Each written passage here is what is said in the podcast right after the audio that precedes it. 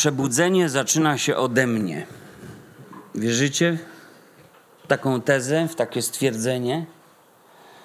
Czy przebudzenie to raczej to jest coś takiego, co powinno, no dobrze było, gdyby spadło tam gdzieś na kogoś, na moją rodzinę, na moich bliskich, na moich znajomych, pracowników, współpracowników, na moje miasto, na mój region, no i w końcu na mój kraj. List do Efezjan, 5 rozdział, 14 werset mówi nam wszystko bowiem, co się ujawnia, jest światłem. Dlatego powiedziano: Obudź się, który śpisz, i powstań z martwych, a zajaśnieje ci Chrystus.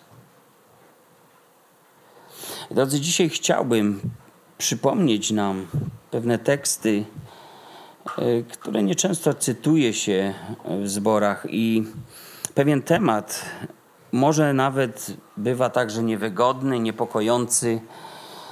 Chciałbym dzisiaj mówić właśnie na temat przebudzenia i na temat tego, dlaczego wielu ludzi go nie doświadcza. Nie są to ludzie, o których można by powiedzieć, albo oni o sobie, że są ludźmi przebudzonymi. I pewnie ktoś, kto trochę zajmował się historią e, przebudzeń, wie, że w Europie wiele takich poruszeń religijnych doświadczały narody. W czasie reformacji niemal cała Europa została ogarnięta takim bożym poruszeniem, kiedy pismo było e, tłumaczone na języki narodowe, ludzie mieli coraz większy dostęp. E, maszyna Gutenberga drukowała takie ilości, że nikt nie był w stanie już tego zatrzymać. Palono Biblię wówczas na stosach nawet wykupywano je. Był taki człowiek Radziwił, który po prostu wykupywał wszystkie możliwe Biblie gdańskie, bodaj, że to były gdańskie, o ile się nie mylę, albo brzeska to była, przepraszam, żeby tylko po prostu nie dostały się to w ręce, w ręce ludzi, którzy potrafili czytać i myśleć nad tym, co czytają. Pojawiła się w naszym kraju kontrreformacja i wydawało się, że ten ogień, który rozpali kraj, jednak zaczął gasnąć.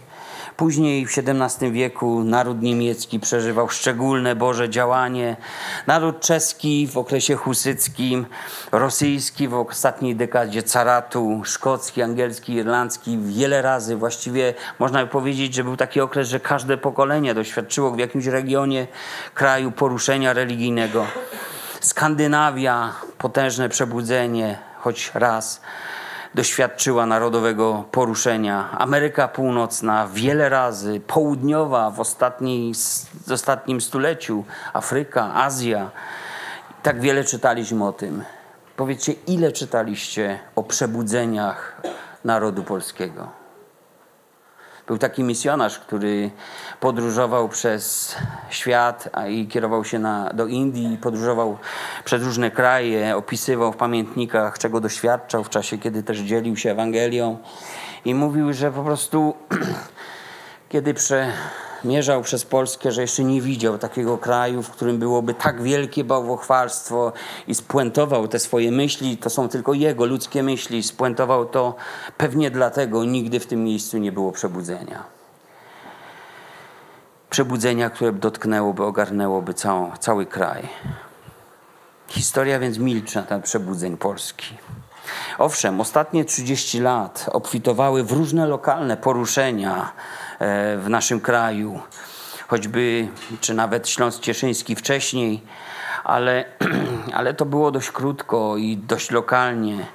A wszystkie one, wielu ludzi pośpiesznie nazywało właśnie przebudzeniami, nadzieją dla Kościoła w Polsce. Tymczasem po jakimś okresie, bliższym przyjrzeniu się, okazywało się, że te tak zwane przebudzenia, jak szybko się zapalały, tak szybko dogasały. A czasem też było tak, że dawały one początek jakiemuś zwodniczemu prądowi, jakiemuś dziwnemu ruchowi, że przytoczę wprost ruch stawienników, ruch wyłaniającego się kościoła, tak zwane emerging church, jeśli ktoś z angielskiego coś tam czytał, ruch Blessing Toronto, czy tak zwana Ewangelia Sukcesu, albo wcześniej jeszcze nor nauka Norwegów, nauka Branhama, wiecie, tych nauk i ruchów było bardzo wiele. I gdy coś się zaczęło dziać, wielu ludzi z nadzieją, taką szczerą, biegło, myśląc o to tu, o to tam jest Chrystus, cytując słowa Jezusa, ale on powiedział właśnie i przepowiedział, że będzie wielkie zamieszanie na scenie religijnej i że będzie to znakiem zbliżającego się końca. Mówił: Nie chodźcie tam, nie idźcie. Będą podziały, będą odstępstwa, będą fałszywi mesjasze, fałszywe nauki, fałszywe prądy, ruchy. To wszystko będzie.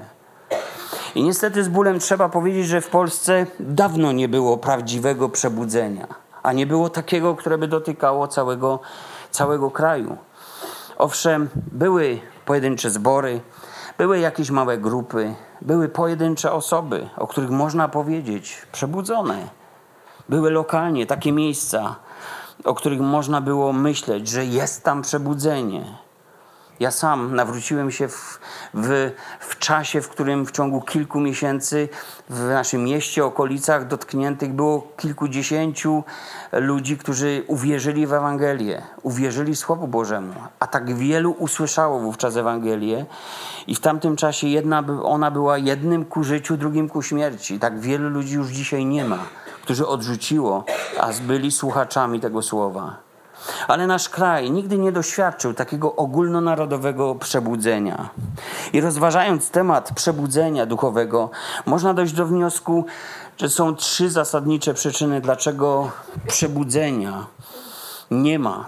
Nie ma w wielu zborach i prawdopodobnie nieprędko je zobaczymy, choć możemy o tym marzyć i mieć ciągle nadzieję. Bo musimy zrozumieć jedną rzecz, że pierwsze przebudzenie jest dla nas pewnego rodzaju wzorcem pokazującym nam tak wiele. A ono nie spadło nagle z nieba na miasto, region czy kraj. A najpierw zostało ogarniętych nim 120 tych, którzy uwierzyli Ewangelii i oczekiwali wraz z apostołami spełnienia się obietnicy Chrystusa w Jerozolimie. A kiedy ono później pojawiało się w innych regionach, to było wynikiem ich gorących serc, ich przebudzonych serc, że oni nieśli tą Ewangelię, byli wszędzie tam, gdzie Pan ich chciał posłać. Przebudzenie więc zaczyna się od nas. Zaczyna się od ludzi wierzących, od ludzi Ewangelii, od ludzi oczekujących wypełnienia się obietnic Pana, a nie w jakimś tam zakątku miasta, w jakiejś części mojej rodziny czy w kraju. Dlaczego więc w Polsce nie ma przebudzenia? Jakie są ku temu przeszkody? O trzech powiem dzisiaj. Pierwsza przyczyna to nieposłuszeństwo Słowu Bożemu. List do Rzymian, pierwszy rozdział, piąty, szósty werset czytamy Otrzymaliśmy łaskę i apostolstwo, abyśmy dla imienia Jego przywiedli do posłuszeństwa wiary wszystkie narody, wśród których jesteście i wy powołani przez Jezusa Chrystusa.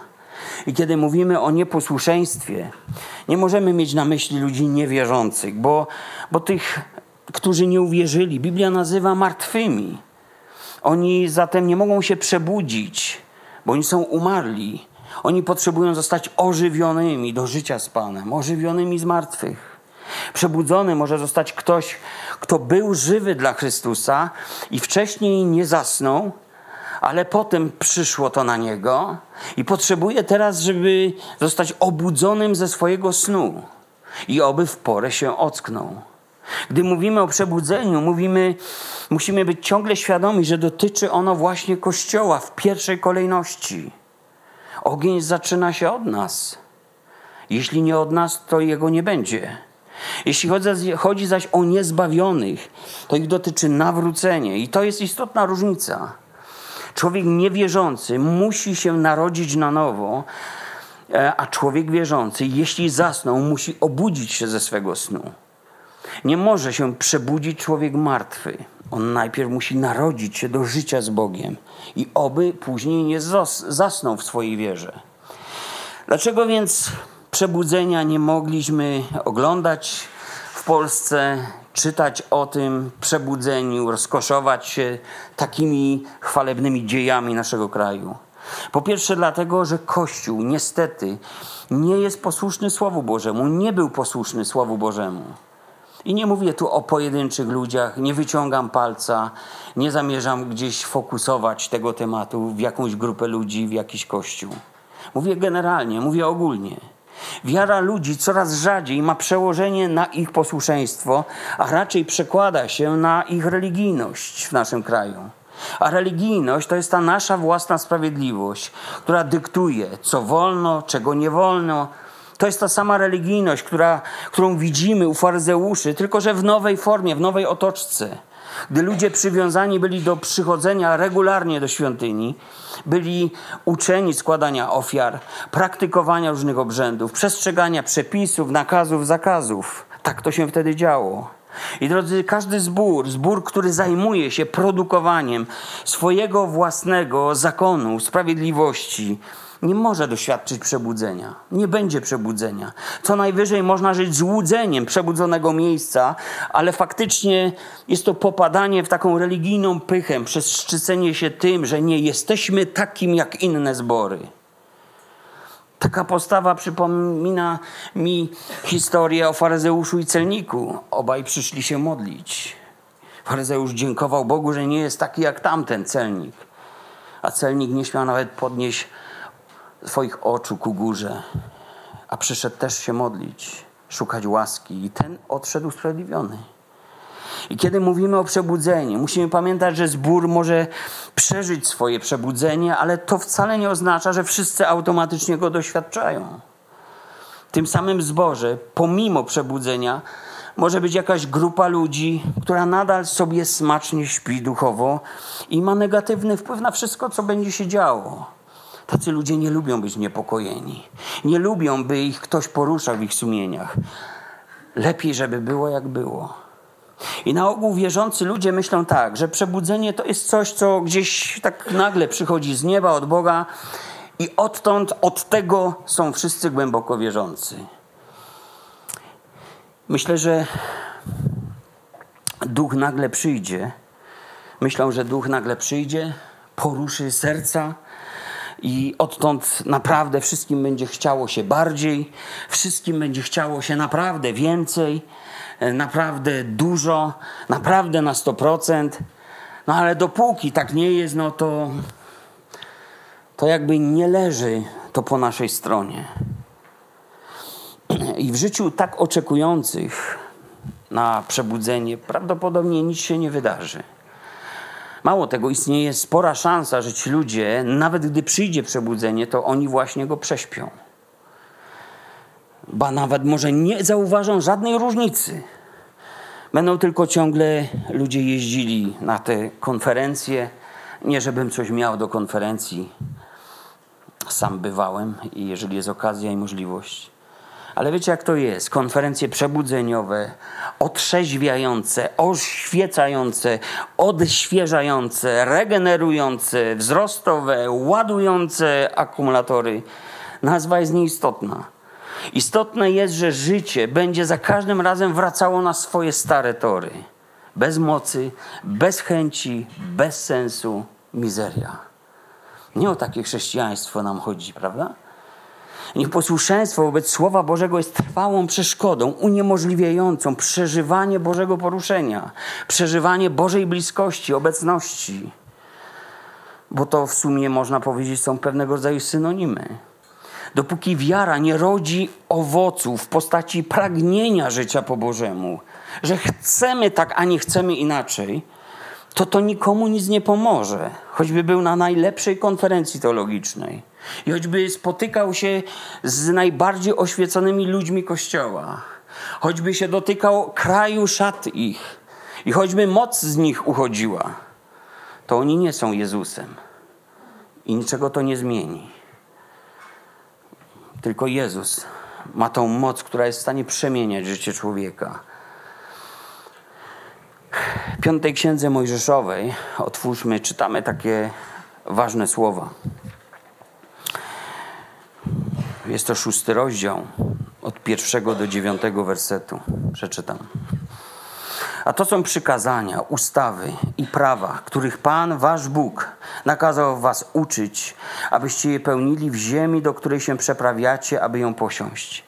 Abyś był przejęty czcią dla Pana Boga Twego, przestrzegając po wszystkie dni życia wszystkich Jego ustaw i przykazań, które ja dziś nakazuję Tobie, Twoim synom i wnukom, i abyś żył długo. Słuchaj ich, Izraelu, i starannie wykonuj, aby ci się dobrze powodziło i abyście się rozmnożyli bardzo w ziemi opływającej w mleko i miód, jak ci przykazał Pan, Bóg Twoich ojców. Słuchaj, Izraelu, Pan jest Bogiem naszym, Pan jedynie. Będziesz wtedy miłował Pana Boga swego, z całego serca swego i z całej duszy swojej i z całej siły swojej. Niechaj słowa te, które ja Ci dziś nakazuję, będą w Twoim sercu. Będziesz je wpajał w Twoich synów i będziesz o nich mówił, przebywając w swoim domu, idąc drogą, kładąc się i wstając. Przywiążesz je jako znak do swojej ręki i będą jako przepaska między Twoimi oczyma.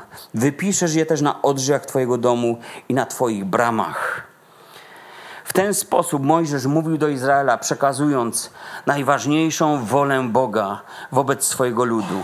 I zwróćmy uwagę na słowa: Ja wam dziś nakazuję. Tu jest tryb rozkazujący, który mówi nam, że Bóg niczego nie proponował do rozważenia, niczego nie poddawał pod dyskusję, ale tu wyraźnie słyszymy: macie tego przestrzegać, ma to być przed waszymi oczami, macie o tym ciągle pamiętać, ma to być na waszej ręce, tak żeby wasze ręce nie dotykały się rzeczy nieczystych, grzesznych. Ma to być na odrzwiach waszego domu, gdy, gdy do niego wchodzicie i gdy z niego wychodzicie, macie o tym pamiętać kiedy rano wstajecie, kiedy kładziecie się spać, gdy idziecie drogą. Moje słowo ma wam towarzyszyć. Mało tego, masz je wpajać swoim dzieciom. Tu się nie będę rozwijał, bo o tym niedawno czytaliśmy i rozważaliśmy ten temat. Ale jeśli dziecko nie zauważy tego w moim życiu, że naprawdę jestem człowiekiem tej księgi, to możemy go nauczyć nawet na pamięć całej Biblii. Ale pod znakiem zapytania będzie to, czy ono pójdzie za Panem. Bo świadectwo mojej niewiary, tego za czym tak naprawdę pędzę w życiu, będzie bardziej do niego przemawiało niż opowiadania biblijne czytane na dobranoc. Przebudzenie musi mnie osobiście dotyczyć, gdziekolwiek się znajduję. Przebudzenie zaczyna się tam, gdzie mnie nie widzą inni ludzie wierzący, ale tam, gdzie zawsze widzi mnie Bóg. Posłuszeństwo Bożemu Słowu sprawiało, że rodziny, małżeństwa, pojedynczy wierzący żyli dla Bożego celu najpierw.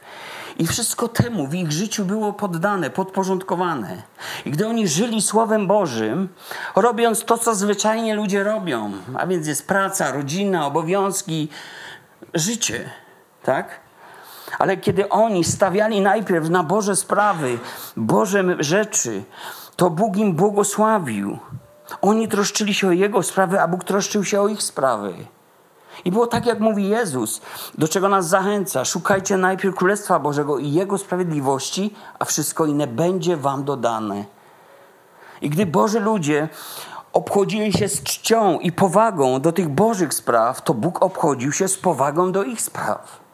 I na tym polegało właśnie ich błogosławieństwo, że wszystko to, czego wydaje się, że im powinno brakować, Bóg dawał im, Bóg troszczył się o nich, Bóg zabezpieczał wszystko. I jeśli nawet szli przez trudy życia, jak starotestamentowy Józef, czy jak cierpiący Job, czy jak tułający się prześladowany Dawid, to Bóg im później wynagradzał w dwójnasób, można powiedzieć, ten czas próby, doświadczeń, czas braków, czas deficytów, czas trudów, czas zmagań. I Słowo Boże, drodzy, ma ogromną wartość, jeśli robimy z niego właściwy użytek. Słowo ma moc kształtować całą naszą osobowość, kształtuje nasz sposób myślenia, widzenia świata, postrzegania rzeczywistości inaczej, kształtuje nasz sposób odnoszenia się do innych ludzi. Reagujemy inaczej na innych ludzi, reagujemy inaczej na przychodzące okoliczności, kiedy jesteśmy pod wpływem tego słowa. Ale przede wszystkim, co chcę podkreślić, Słowo Boże kształtuje nas w relacji z Bogiem. I tutaj jest napisane, czytaliśmy, że, że to Boże Słowo jest nam dane, abyśmy byli przejęci czcią dla Pana. Myślę, że to jest wartość ponadczasowa i nie przytwierdzimy tego jedynie do Starego Przymierza. Być przejętym czcią dla Pana. Kiedy człowiek poznaje Boże Słowo i kiedy ono go dotyka, wówczas w jego sercu zaczyna powstawać bojaźń przed Panem. A skąd się to bierze w nas? Stąd, że człowiek zdaje sobie sprawę coraz bardziej z tego, że, że poznaje kogoś tak wyjątkowego, tak niesamowitego, że i tak świętego, że boi się popełnić zło, boi się grzeszyć, boi się żyć nieświętym życiem, boi się nie wykonywać woli Bożej i boi się pozostawać obojętnym do wszystkiego, czego on pragnie w moim życiu, a co mi objawia. Boi się pokierować życiem tak, żeby znaleźć się poza tymi Bożymi planami, dokonując, dokonując swoich własnych wyborów życiowych. I oczywiście ta bojaźń to nie jest strach czy lęk ale głęboki respekt, szacunek, to jest cześć, to jest wywyższenie, to jest postawienie wyżej. Wywyższenie kogoś, kto stał się naprawdę realny i ważny w moim życiu. Przez słowo człowiek może poznawać Boga, rozumieć Boga, czytać Boga, jakby czytał w jego myślach, ponieważ Słowo Boże jest tą otwartą księgą, pełną Bożych myśli. Przez Słowo mogę wierzyć Bogu i mogę czynić Jego dzieła, czynić mogę to Słowo. Nieposłuszeństwo zaś wobec słowa Boga sprawia, że nic z tego nie dzieje się w życiu człowieka. Człowiek, który chociaż został wzbudzony z martwych, zakosztował tych cudownych mocy wieku przyszłego, jak mówi do Hebrajczyków, bo został do głębi poruszony, bez tego słowa po prostu żyje z dnia na dzień, żyje z miesiąca na miesiąc, żyje z roku na rok, coraz bardziej niestety jak poganin coraz bardziej nie odróżnia się od ludzi tego świata. Jakby nigdy nie spotkał Boga na swojej drodze. Tak wygląda cud powierzchownego odrodzenia się. I tak wygląda zasypianie, które jest rozłożone na raty, czasem na lata.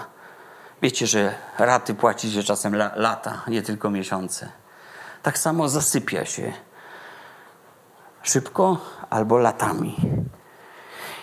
Kiedy to Jezus nie staje się panem domu, którego oczyścił z grzechów, albo co najwyżej otrzymuje prawo do bycia okazjonalnym gościem w takim miejscu. Może taki człowiek słyszy Boże Słowo, ale ono go już nie porusza, ono go już od wewnątrz nie zmienia, bo nie zostaje dopuszczone do jego serca.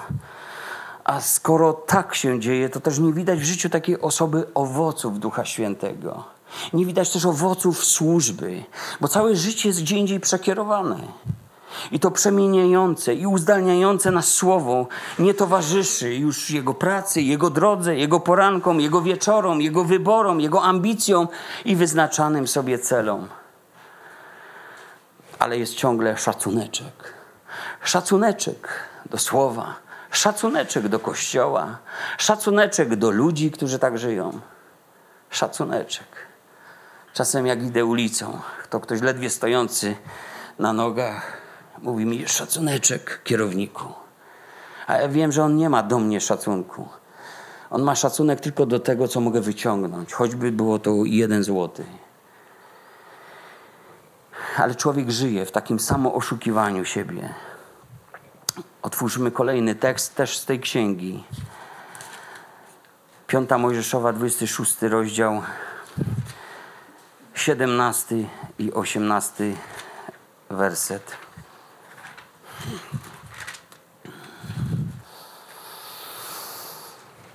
Dzisiaj oświadczyłeś Panu, że będzie Twoim Bogiem i że będziesz chodził Jego drogą i przestrzegał Jego ustaw, przykazań i praw i słuchał Jego głosu.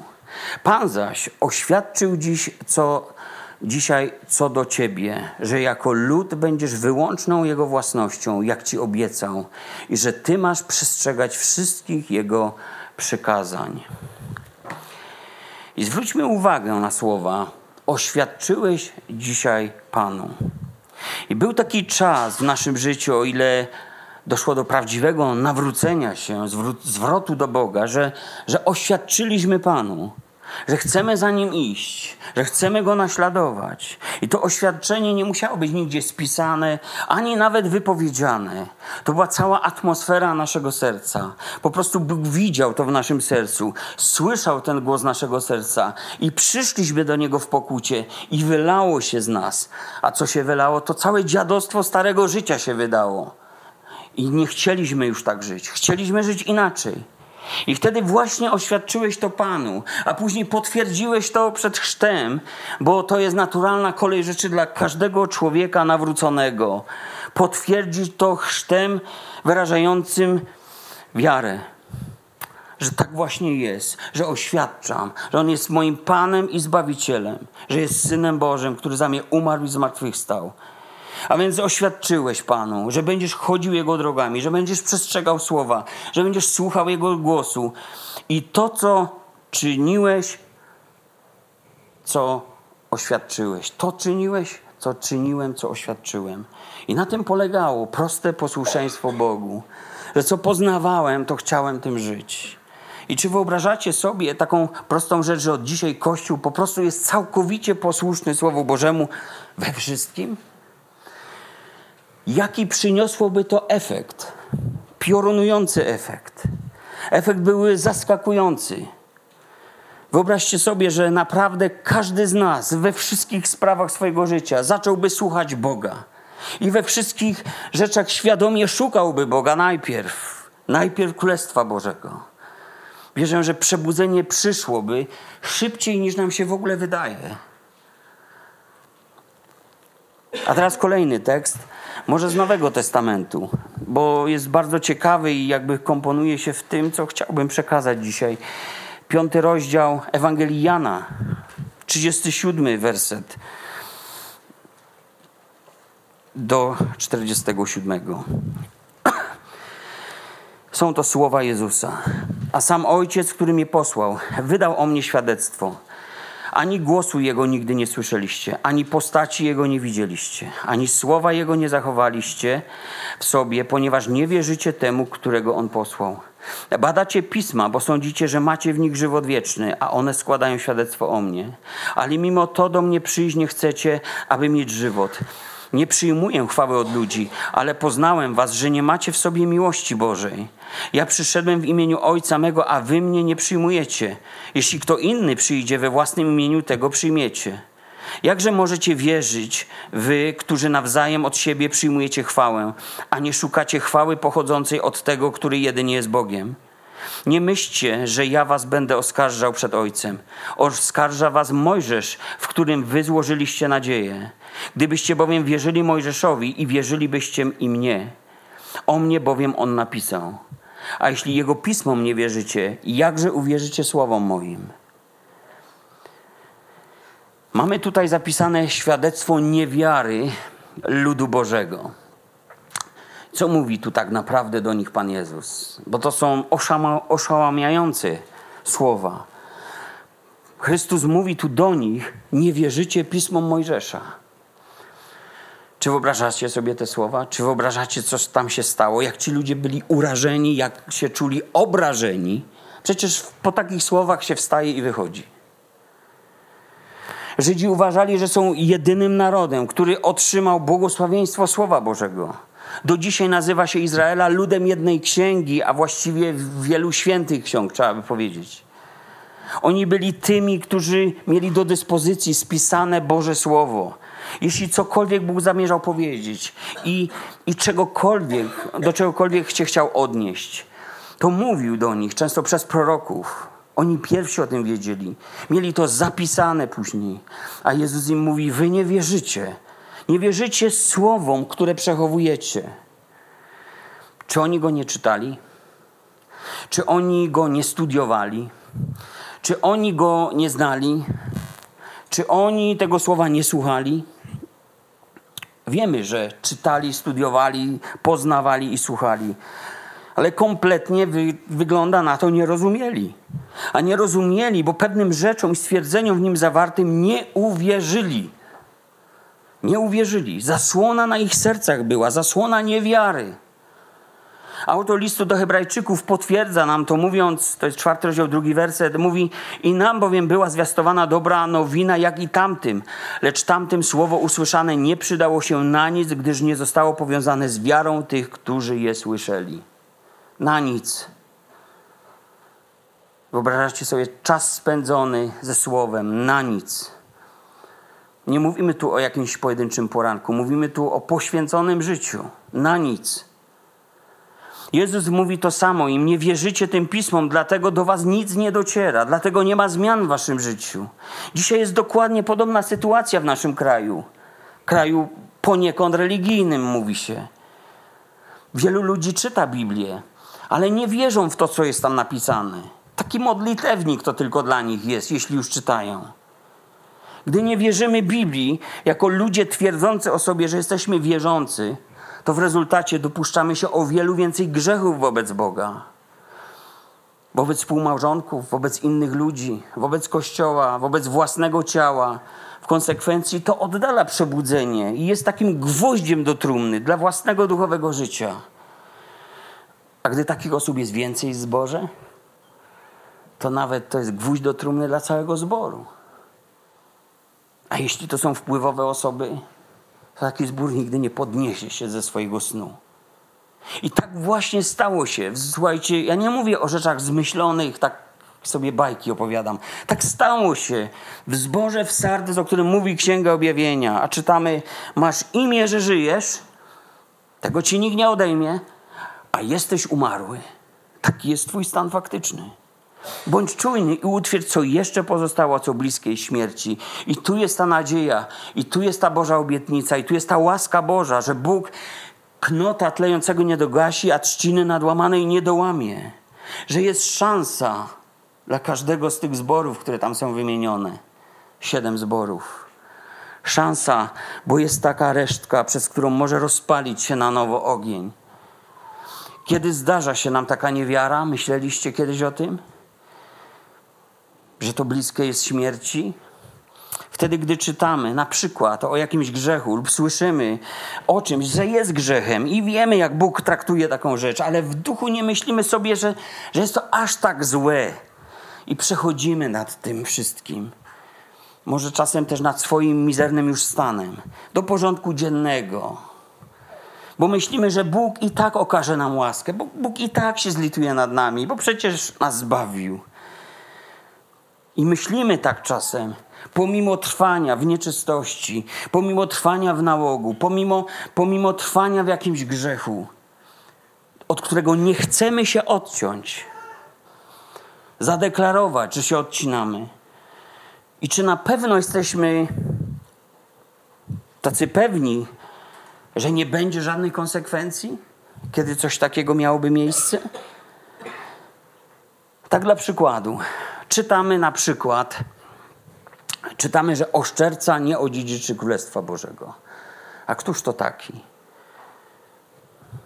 Czytamy to i, i, jakoś trudno nam sobie wyobrazić, że Bóg mógłby tak postąpić z plotkarzem. No bo przecież to jest tylko plotka.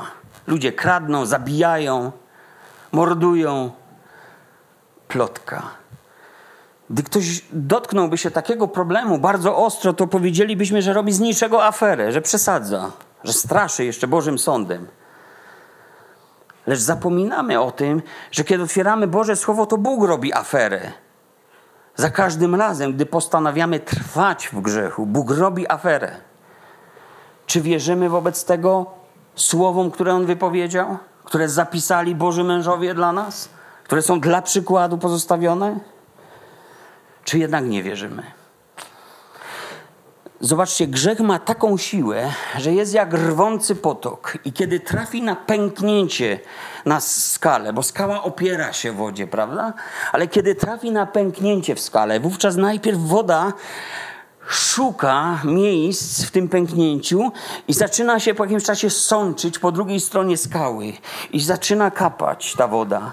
A potem, gdy mija czas, pojawia się niewielka szczelina już, a potem po upływie znowu jakiegoś czasu powstaje maleńka stróżka wody, a w następstwie tego znowu, kiedy dasz czas, pojawia się tam mały strumyczek, a ostatecznie może być rwący z tego potok.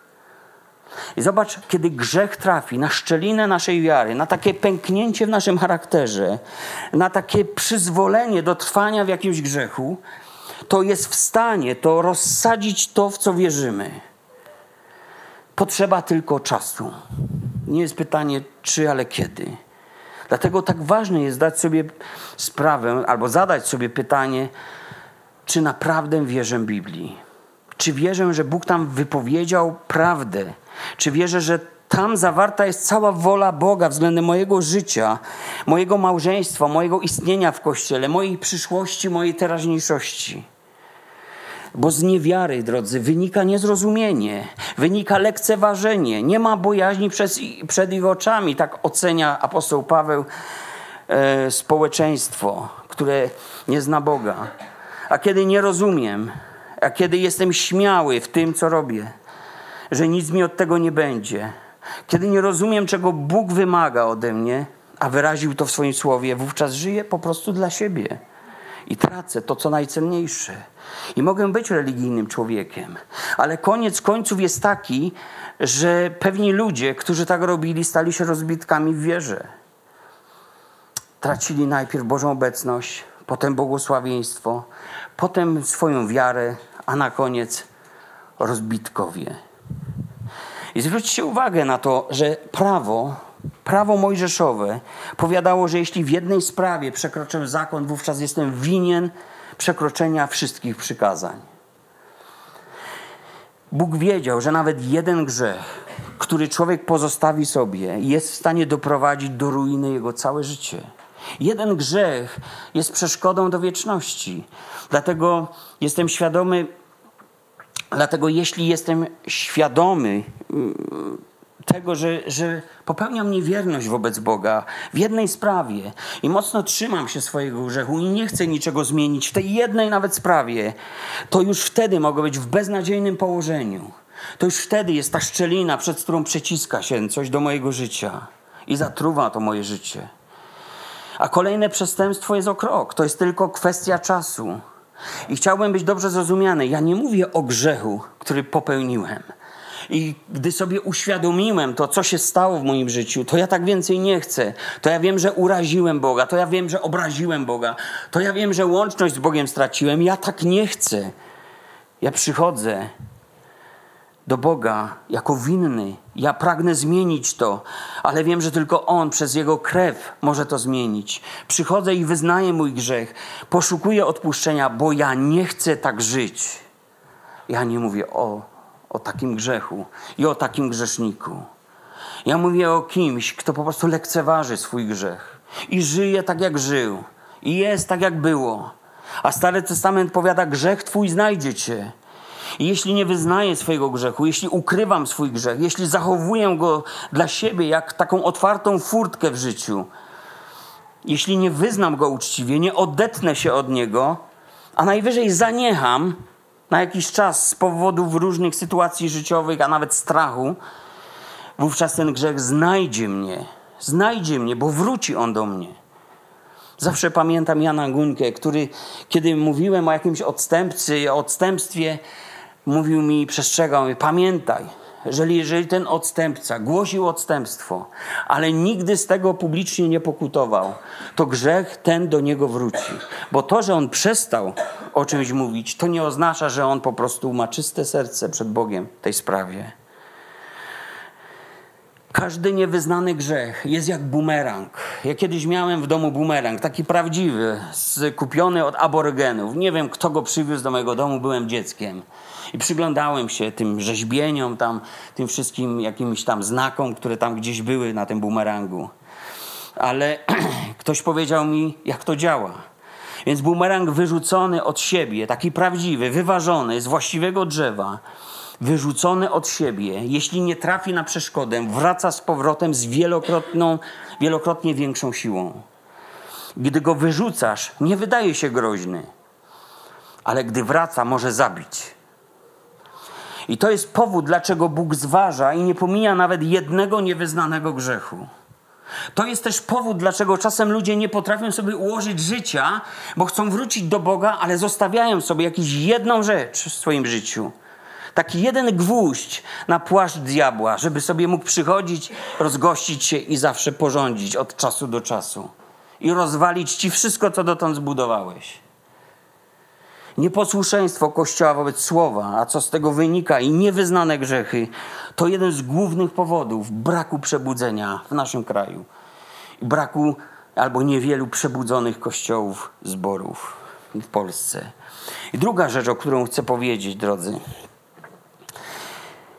to fakt taki, że Kościół umiłował świat. I wiem, jak to zabrzmiało w waszych uszach. Kościół, jak może Kościół miłować świat? O czym ty mówisz?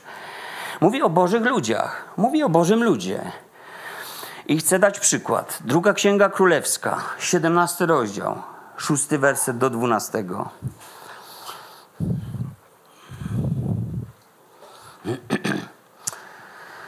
Od siódmego wersetu do dwunastego wersetu może wystarczy. A stało się tak, ponieważ synowie izraelscy grzeszyli przeciwko Panu Bogu swemu, który ich wyprowadził z ziemi egipskiej spod władzy faraona, króla egipskiego, a czcili obcych bogów, a postępowali według zwyczajów tych narodów, które Pan wypędził sprzed oblicza synów izraelskich oraz tych, jakie wprowadzili królowie izraelscy Wymyślili też synowie izraelscy rzeczy niewłaściwe o Panu Bogu swoim.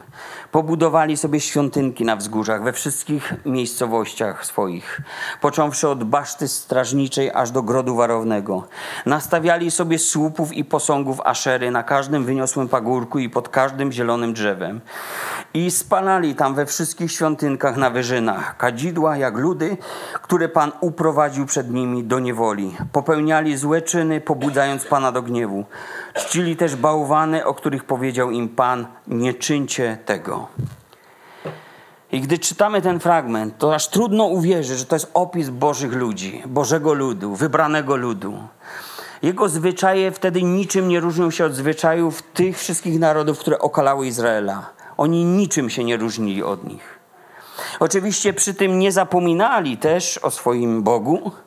Izraelici, a jak, byli bardzo skrupulatni, przychodzili do świątyni, składali Bogu ofiary, składali dziesięciny, ale żyli zgodnie z tym porzekadłem polskim: Panu Bogu świeczka, a diabłu ogarek. No, pytanie się ciśnie, czy ludzie Kościoła nie potrafią postępować dzisiaj w podobny sposób jak tamci. Czy Kościół czasem nie upodabnia się w swoich zachowaniach właśnie do świata, próbując jednocześnie usprawiedliwić swoje postępowanie tym, że przecież, przecież jesteśmy wolni w Chrystusie, przecież przychodzimy co niedzielę do Kościoła, przecież wyznajemy swoją wiarę, deklarujemy swoją przynależność. Ale zobaczcie, na czym polegało umiłowanie świata. Wiemy, że oni mieli ciągle ten sam problem oni chcieli być jak inne ludy. Oni chcieli być akceptowani. Oni chcieli tak jak inne narody. Oni nie chcieli być odrzucani. Oni chcieli należeć do elity, ale mieli jakiś kompleks samych siebie, bo widzieli zamiast elitę w swoim narodzie, bo wybrany naród, to elitę widzieli w tym świecie. Oni chcieli więc szukać wzorców dla siebie w tym świecie. Nie chcieli się odróżniać. Bo na przykład dlaczego chcieli mieć króla? Tylko dlatego, że zażądali tego od Boga, a zażądali w takich słowach: Inne narody mają króla, my też chcemy mieć. My też chcemy mieć.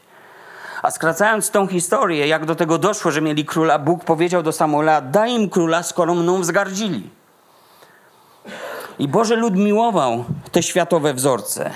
A skąd wzięły się w Izraelu, który miał jednego Boga, te wszystkie świątynki, te wszystkie święte, nieświęte słupy i te inne miejsca kultu, w którym oddawali cześć i kadzili innym bogom. Skąd? Z umiłowania tego świata. Inne narody mają wielu bogów, a my musimy mieć koniecznie jednego.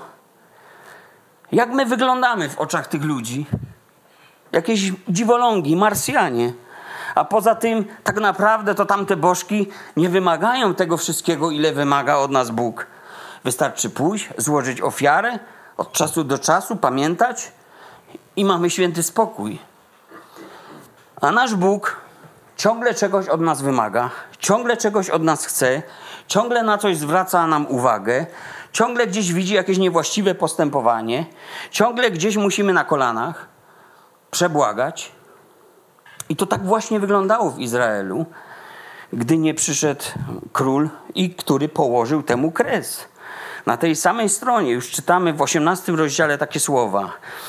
W trzecim roku panowania Ozeasza, syna Eli, króla izraelskiego, objął władzę królewską Hiskiasz, syn Ahaza, króla judzkiego. Miał 25 lat.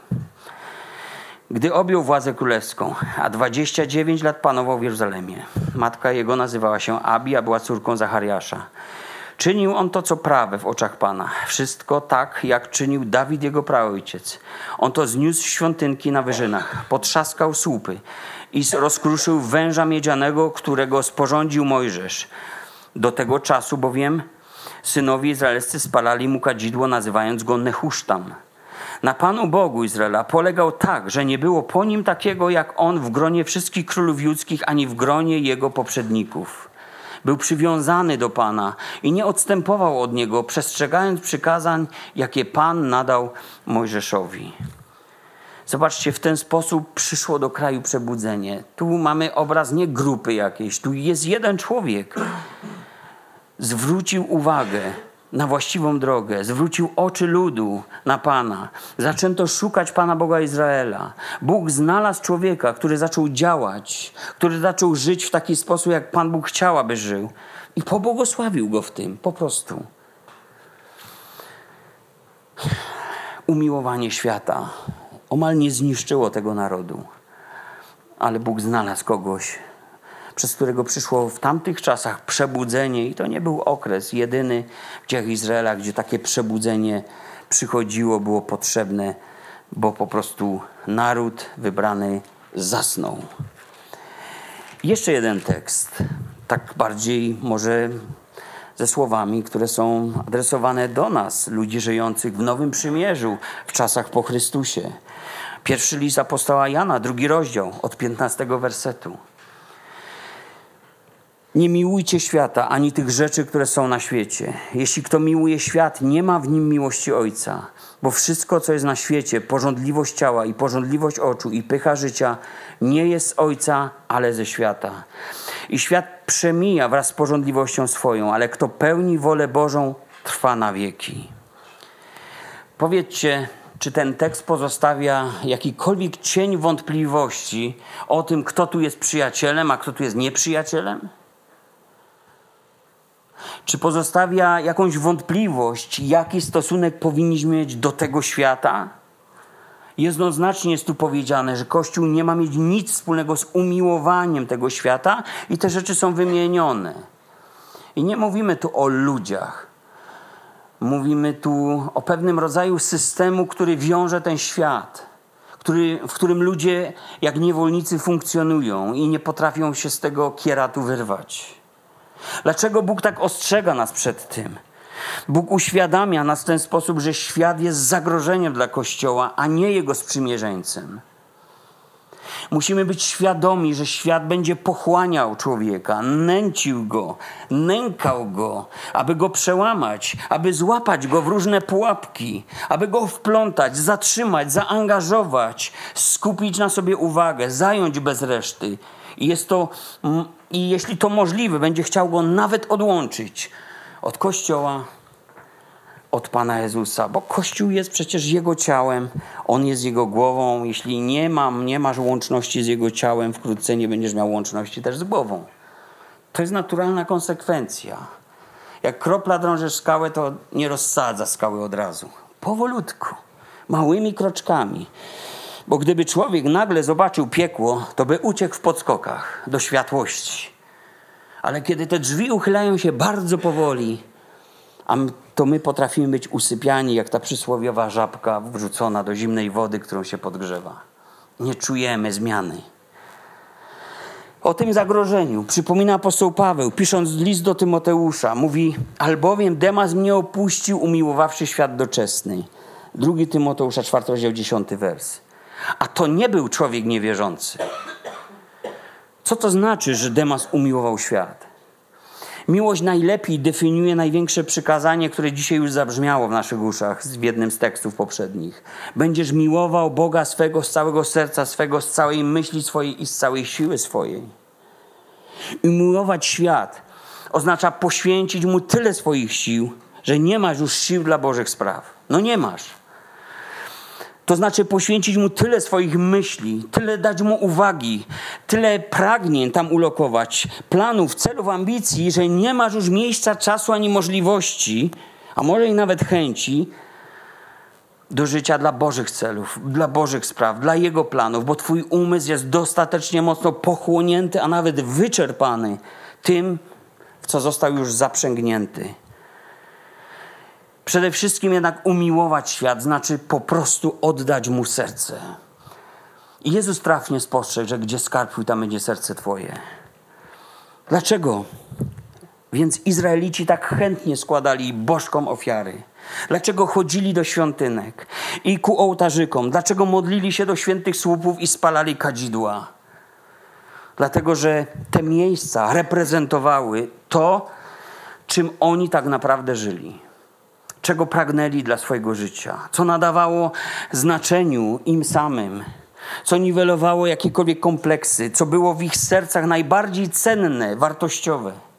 A więc zobaczcie, kto szukał powodzenia w interesach, szedł do aramejskiego bożka Mamony. Kto chciał być zdrowy, składał ofiarę miedzianemu wężowi Nehusztamowi, który, a kto chciał długo żyć, szedł do bożka Ekronu. Kto w intymnych sprawach miał kłopoty, składał ofiarę Aszerom. Kto potrzebował przewodnictwa w ważnych decyzjach życiowych, służył Balowi. Kto chciał szczęścia i pomyślności, szedł do Kemosza. I chodzili jeszcze do Milkoma, Molocha i Belzebuba i coraz większe ofiary i cenę płacili za to. Nawet spalali swoje pierworodne dzieci. Tak byli, tak byli zaślepieni, tak byli omamieni. Oddawali cześć zastępom niebieskim, gwiazdom zodiaku, słońcowi, księżycowi i wielu innym bożkom Kanaanu. Także Biblia mówi, nie było wzgórza, nie było gaju zielonych drzew, gdzie nie byłyby jakieś kultowe miejsca. Te miejsca miały dla nich znaczenie, ponieważ reprezentowały to, co było dla nich skarbem. Czemu się poświęcali i dlaczego byli gotowi poświęcić całe swoje życie, nawet wierność Bogu, nawet wszystko to, co oświadczali przed Panem. Byli gotowi na ofiarę dać. Demas, współpracownik Pawła, on osobiście go najprawdopodobniej wybrał. A wiecie, że Paweł dokładnie wybierał swoich współpracowników. Przynajmniej po tym jesteśmy tego pewni, kiedy rozstał się z Markiem. Marek zdecydował, że nie pójdzie dalej. I Paweł po prostu był prawdopodobnie zawiedziony tym, że opuścił Marek ich w podróży misyjnej. A więc starannie wybierał sobie ludzi, zważał, czy to jest osoba, która będzie pomocna, czy udźwignie ciężar, czy to będzie osoba odpowiedzialna, dość silna, by, by stawić czoła prześladowaniom, czy będzie pełna Ducha Świętego mądrości. Paweł ręczył często listownie za swoich współpracowników. Sama obecność Pawła wystawiała komuś najlepsze referencje, najlepsze świadectwo. I zobaczcie, mimo takich rekomendacji, jakimi mógł wcześniej cieszyć się Demas, w końcu i tak opuścił Pawła, umiłowawszy świat doczesny. Pomyślcie teraz dobrze, szczególnie ci, którzy nie są tu od wczoraj. Ilu ludzi w kościele opuściło już Jezusa, umiłowawszy świat doczesny? Których byliście, byliśmy pewni, że im nic nie grozi, a jednak to się stało. Czy Bóg się pomylił, powołując kogoś do nowego życia ze sobą? Gdy wspominamy takie przykłady, gdy mamy na myśli kogoś, coś w nadziei, że jednak to nietrwały jest e, czas, że się coś zmieni. Myślę, że Bóg nie popełnił pomyłki, ani Paweł wtedy nie popełniał pomyłki, gdy rozpoczął z Demasem współpracę, ale to ten człowiek dokonał wyboru, umiłował bardziej świat niż Boga. Podjął decyzje zgodne z tym, co było dla niego większym skarbem i co miało dla niego większą wartość. Wiecie, można to sprowadzić do, do nawet bardzo banalnej decyzji że człowiek jest w stanie wybrać butelkę wódki i zważy całą rodzinę i to nie będzie dla niego wartość. Za butelkę wódki zrobi wszystko, nawet sprzeda wszystkich swoich krewnych. Niemożliwe? Zadajmy sobie sami odpowiedź na pytanie, jaka jest przyszłość takich ludzi, którzy bardziej miłują świat niż Jezusa? Czy do takich nie stosują się słowa samego Pana, który powiedział, macie to Ewangelii Mateusza 6,24. Mówi, nikt nie może dwom panom służyć, gdyż albo jednego nienawidził będzie, a drugiego miłować, albo jednego trzymać się będzie, a drugim pogardzi. Nie możecie Bogu służyć i mamonie. Nie można stać w rozkroku. Serce rozdwojone w końcu pogardzi tym, by służyć Bogu. Bo mamona zawsze chce więcej i zajmie go i pochłonie go. W czasach Jezusa zaś mamona, żeby nie mylić to z takim potocznym dzisiaj zrozumieniem, mamona symbolicznie odnosiła się do bożka powodzenia, dostatku, stabilizacji życiowej, dobrego standardu życia. Dzisiaj mamona to w takim porzekadle to kasa. No oczywiście ma to duży związek z tym, bo jak mieć stabilizację, dobrobyt, dostatek i powodzenie bez kasy? Wszystko kręci się wokół kasy w tym świecie. Ludzie poświęceni temu światu, jak mamonie, nie doświadczą przebudzenia. Raczej doświadczą snu, głębokiego snu. I oby się obudzili nie za późno, nie jak tych pięć głupich panien, które się obudziły, nie wiedziały gdzie są. A tu już był koniec, za późno, drzwi się zamknęły. I ostatnia rzecz, którą w skrócie, ale chcę powiedzieć o tym, rzecz, która jest naprawdę przeszkodą, jeśli chodzi o przebudzenie mnie samego, przebudzenie zboru, przebudzenie Kościoła w tym najszerszym zrozumieniu, czy przebudzenie naszego kraju. To jest taki fakt, że Kościół wielokrotnie, wielokrotnie to się już wydarzyło. Kościół przyjął fałszywą Ewangelię. W drugim liście Pawła do Tymoteusza, czwarty rozdział, czytam następujące, następujące słowa.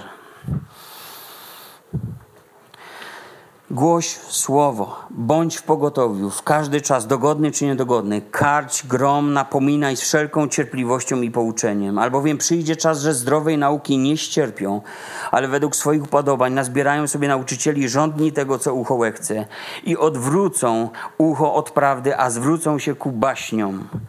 Ale ty bądź czujny we wszystkim, cierp, wykonuj pracę ewangelisty, pełnij rzetelną służbę swoją. Zawsze mnie to zastanawiało, drodzy, że mówienie prawdy oznacza już cierpienie. Ktoś, kto mówi prawdę, będzie cierpiał. Nie chcesz cierpieć? Ługaj. Konfabuluj. Używaj półprawd. Ściemniaj. Mów, a nie będzie tak źle. Tak jak mówili Izraelitom. Pokój, pokój, a nie było pokoju. Drodzy, zwróćcie uwagę na to, co pisze Paweł do Tymoteusza. On zaleca mu takie dość niehumanitarne podejście do ludzi, bo mówi: karć, grom, napominaj. Po co? Paweł wiedział, że jeśli ludziom nie mówi się prawdziwego Słowa Bożego, nie podaje się im tego tak, jak to jest napisane, jeśli natychmiast nie wyrywa się też chwastów w postaci fałszywej Ewangelii, to przyjdzie czas, gdy ci ludzie przestaną słuchać Ewangelii Bożej i zapragną słuchać tego, co ucho łechce. A przykład współczesny Ewangelicznego Instytutu Biblii ujmuje tak tą, tą, to, to, co mówi Paweł. Mówi, przestaną tolerować zdrową naukę, a skłonią, skłonni będą do słuchania tego, co odpowiada ich upodobaniom. Otoczą się nauczycielami przyklaskującymi ich własnym rządzom. Myślicie, że w dzisiejszych czasach nas ten problem nie dotyczy?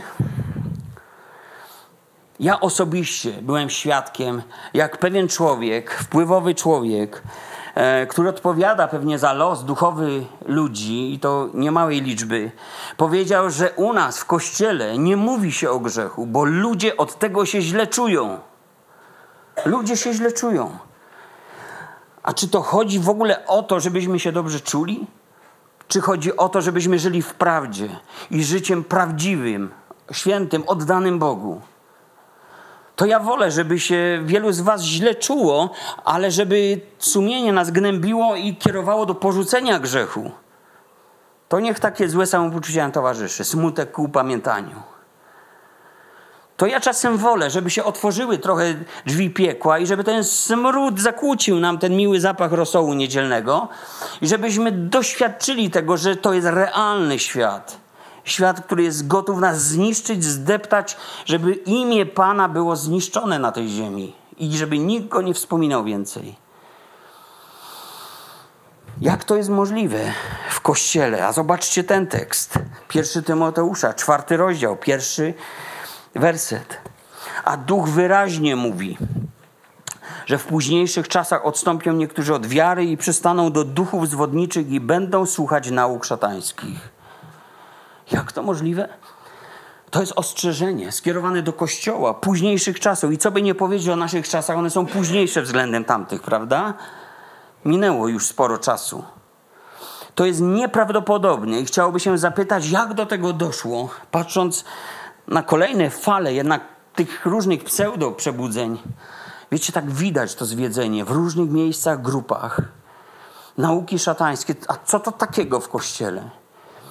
Nauki szatańskie to wszystkie te nauki, które stawiają człowieka na piedestale i jego potrzeby wyżej niż Boga i Jego Słowo.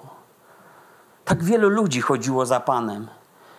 A kiedy wyłożył jasno zasady naśladowania Go, powiadali twarda to mowa. A kiedy obnażał ich serce, mówił: Chodzicie, dlatego że na, za mną, bo najedliście się dosyta. Potrzeby, potrzeby, potrzeby. Ja, ja, ja. Mnie, moje, mi. I diabelski sposób myślenia to taki rodzaj myślenia, który człowieka stawia w centrum, a nie Boga. Do Boga oczywiście szacuneczek. W obecnym czasie, drodzy, wszystko jest względne, relatywne do siebie. Już nawet internet, kiedy próbujesz znaleźć w nim jakąś prawdziwą informację, to ta prawdziwa informacja zasypana jest pod stertą fejków i nieprawdziwych informacji. Dlatego internet właściwie oddziela nas już od prawdy, jeżeli tam ją chcemy znaleźć. Jest murem oddzielającym nas. Do książek trzeba wrócić, albo do Biblii. Najlepiej, żeby szeleściła kartka, bo tego tak łatwo nie da się zmienić. Jak czcionkę czy słowo za słowo na ekranie naszych laptopów czy, czy gdzie indziej. Każdy ma własne poglądy. Jak wychować dzieci, jak przeżyć życie małżeńskie, na kościół. Mamy swoją ocenę nawet tego, co jest grzechem, a co nim nie jest. Człowiek, który zerwał owoc poznania dobra i zła, stał się arbitrem. Uznał, że wie lepiej niż Bóg. I będzie to dla niego dobre, co uzna za dobre. Czy nie jest tak, że otoczeni taką relatywną rzeczywistością nauczyliśmy się słuchać i przyjmować, jak pisał Paweł, tylko to, co ucho chce, tylko to, co odpowiada naszym upodobaniom, jak mówił nowy przekład, co odpowiada naszym wyobrażeniom, oczekiwaniom, co jest takie nasze, moje i niech mi nikt wara od tego, żeby mi kto to ruszał gdy pierwsi ludzie stali się arbitrami, ekspertami w swych oczach wobec tego, co jest dobrem, a co jest złem, natychmiast upadli. Natychmiast. Człowiek bez punktu odniesienia, jakim jest Bóg, będzie błądził całe życie. Jednocześnie może być przekonany o swojej nieomylności w tym, co twierdzi i co, w co wierzy. I ostatni tekst, drodzy, jeszcze, bo jakoś trzeba by spuentować tą, tą historię historię właściwie odstępstwa, od Starego do Nowego Testamentu. Historię ludzi, którzy choć byli powołani, by być ludźmi przebudzonymi, światłem Pana i solą dla tej ziemi, ludzi, którzy zaprzepaścili te wszystkie niesamowite okazje, no, bycie przebudzonymi i na przebudzenie innych. W liście Judy, bardzo krótki zresztą list, czytamy w czwartym wersecie, jeden, jedyny rozdział. Mówi Juda tak, właściwie trzeci i czwarty. Mówi, zabierając się umiłowani z całą gorliwością do pisania do was o naszym wspólnym zbawieniu, uznałem za konieczne napisać do was i napomnieć was, abyście podjęli walkę o wiarę, która raz na zawsze została przekazana świętym. Wkradli się bowiem pomiędzy was jacyś ludzie, na których od dawna wypisany został ten wyrok potępienia. Bezbożni, którzy łaskę Boga naszego obracają w rozpustę i zapierają się naszego jedynego władcy i Pana Jezusa Chrystusa. Juda dawno spostrzegł, że jeśli Kościół sam nie podejmie walki, jeżeli będzie polegał na wygodzie, jeżeli nie będzie wysiłku, tej walki o to, w co się wierzy, to zaczną się poważne problemy, ponieważ jacyś ludzie przyjdą, pojawią się, e, nie przyjdą z zewnątrz, pojawią się nawet od środka, będą wierzyli w to, co zechcą, będą praktykowali, co zechcą i będą w ten sam sposób mieli wpływ na życie Kościoła. Następstwem może być przyjęcie jakiejś fałszywej Ewangelii, z czym mamy w dzisiejszych czasach do czynienia. Pseudoreligia, pseudopobożność, powierzchowność, hipokryzja i te wszystkie Ewangelie plus. Plus coś jeszcze. Zatem pomyślmy, czy, czy wiemy, w co wierzymy i czy to, w co wierzymy, wynika ze Słowa Bożego. Kiedy przyglądamy się temu Słowu, bo wiecie, na sloganie można polegać. Jestem chrześcijaninem. Każdy jest chrześcijaninem w naszym kraju. Prawie każdy. Jeśli rzadko się nad tym zastanawiamy, jeśli nie dbamy o te rzeczy, to dlatego właśnie Kościół zaczyna dryfować.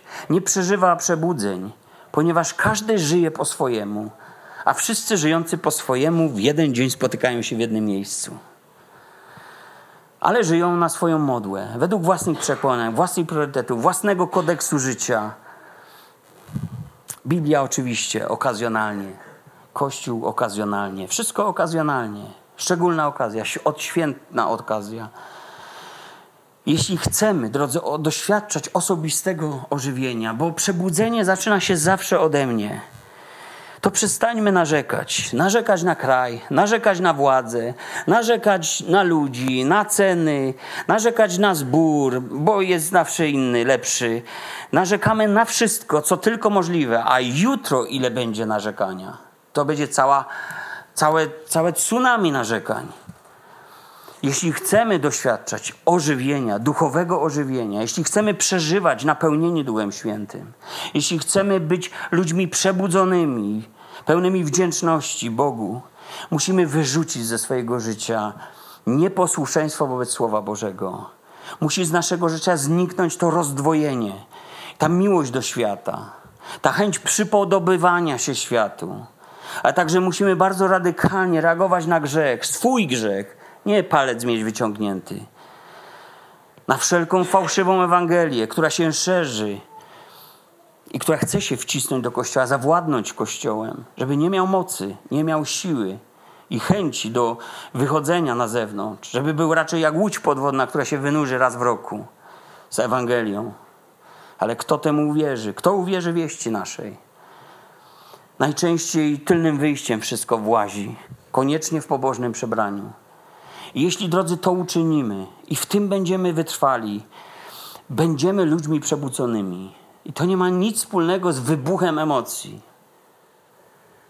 To ma wspólnego bardzo wiele z byciem wiernym Bogu, bezwzględnie na czas. Czas dogodny czy niedogodny. I nie będziemy już tymi, którzy na coś czekają ciągle na coś czekają, czegoś szukają, ale powiemy: Wystarczy mi Chrystus, wystarczy mi Chrystus.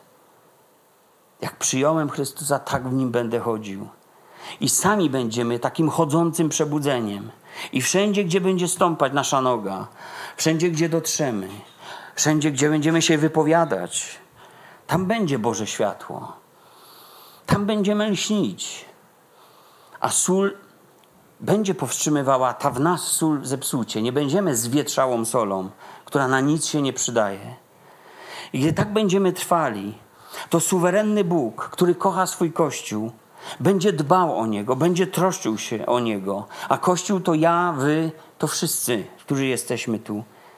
A on nie chce, by ktokolwiek zginął. Również to dotyczy tych, którzy są poza nami. Więc przyniesie przebudzenie ja sam jestem chodzącym dowodem na lokalne przebudzenie i kilka osób w tym zborze, które wywodzą się z tego lokalnego przebudzenia. Z przebudzenia, gdzie wydaje nam się po latach, że ten zbór nie był w ogóle gotowy na to, co się stało. Ale miał widocznie w sobie tą resztkę cudownych, świętych, rozmodlonych, którzy zawsze oferowali swój czas, nawet kiedy mieli 500 spraw, które trzeba było od, odłożyć dla tych nas, nowo nawróconych, dla tych, którzy przyszliśmy do Pana. I gdy tak będziemy trwali, drodzy, będzie przebudzenie. Bóg przyzna się, uhonoruje tą wierność. Będziemy ożywieni, nie będziemy śpiący. A więc jeszcze raz powiem to, co na początku. Obudź się, który śpisz. Obudź się, który śpisz, póki jeszcze możesz się obudzić, a zajaśnieje ci Chrystus. Nie bądźmy jak te pięć głupich panien, które zaspały, zaspały, Zdarzyło się wam kiedyś zaspać, prawda? Pociąg odjechał. Jeśli śpieszyliśmy się na pociąg, zdarzyło mi się zaspać i pociąg odjechał. Głupio by było zaspać na wydarzenie, na które czeka cały Kościół, prawda? I bez wnikania w szczegóły historii, którą tylko tak dotknąłem, zachęcam, bądźmy przebudzonymi ludźmi, bo przebudzenie zaczyna się ode mnie. Amen.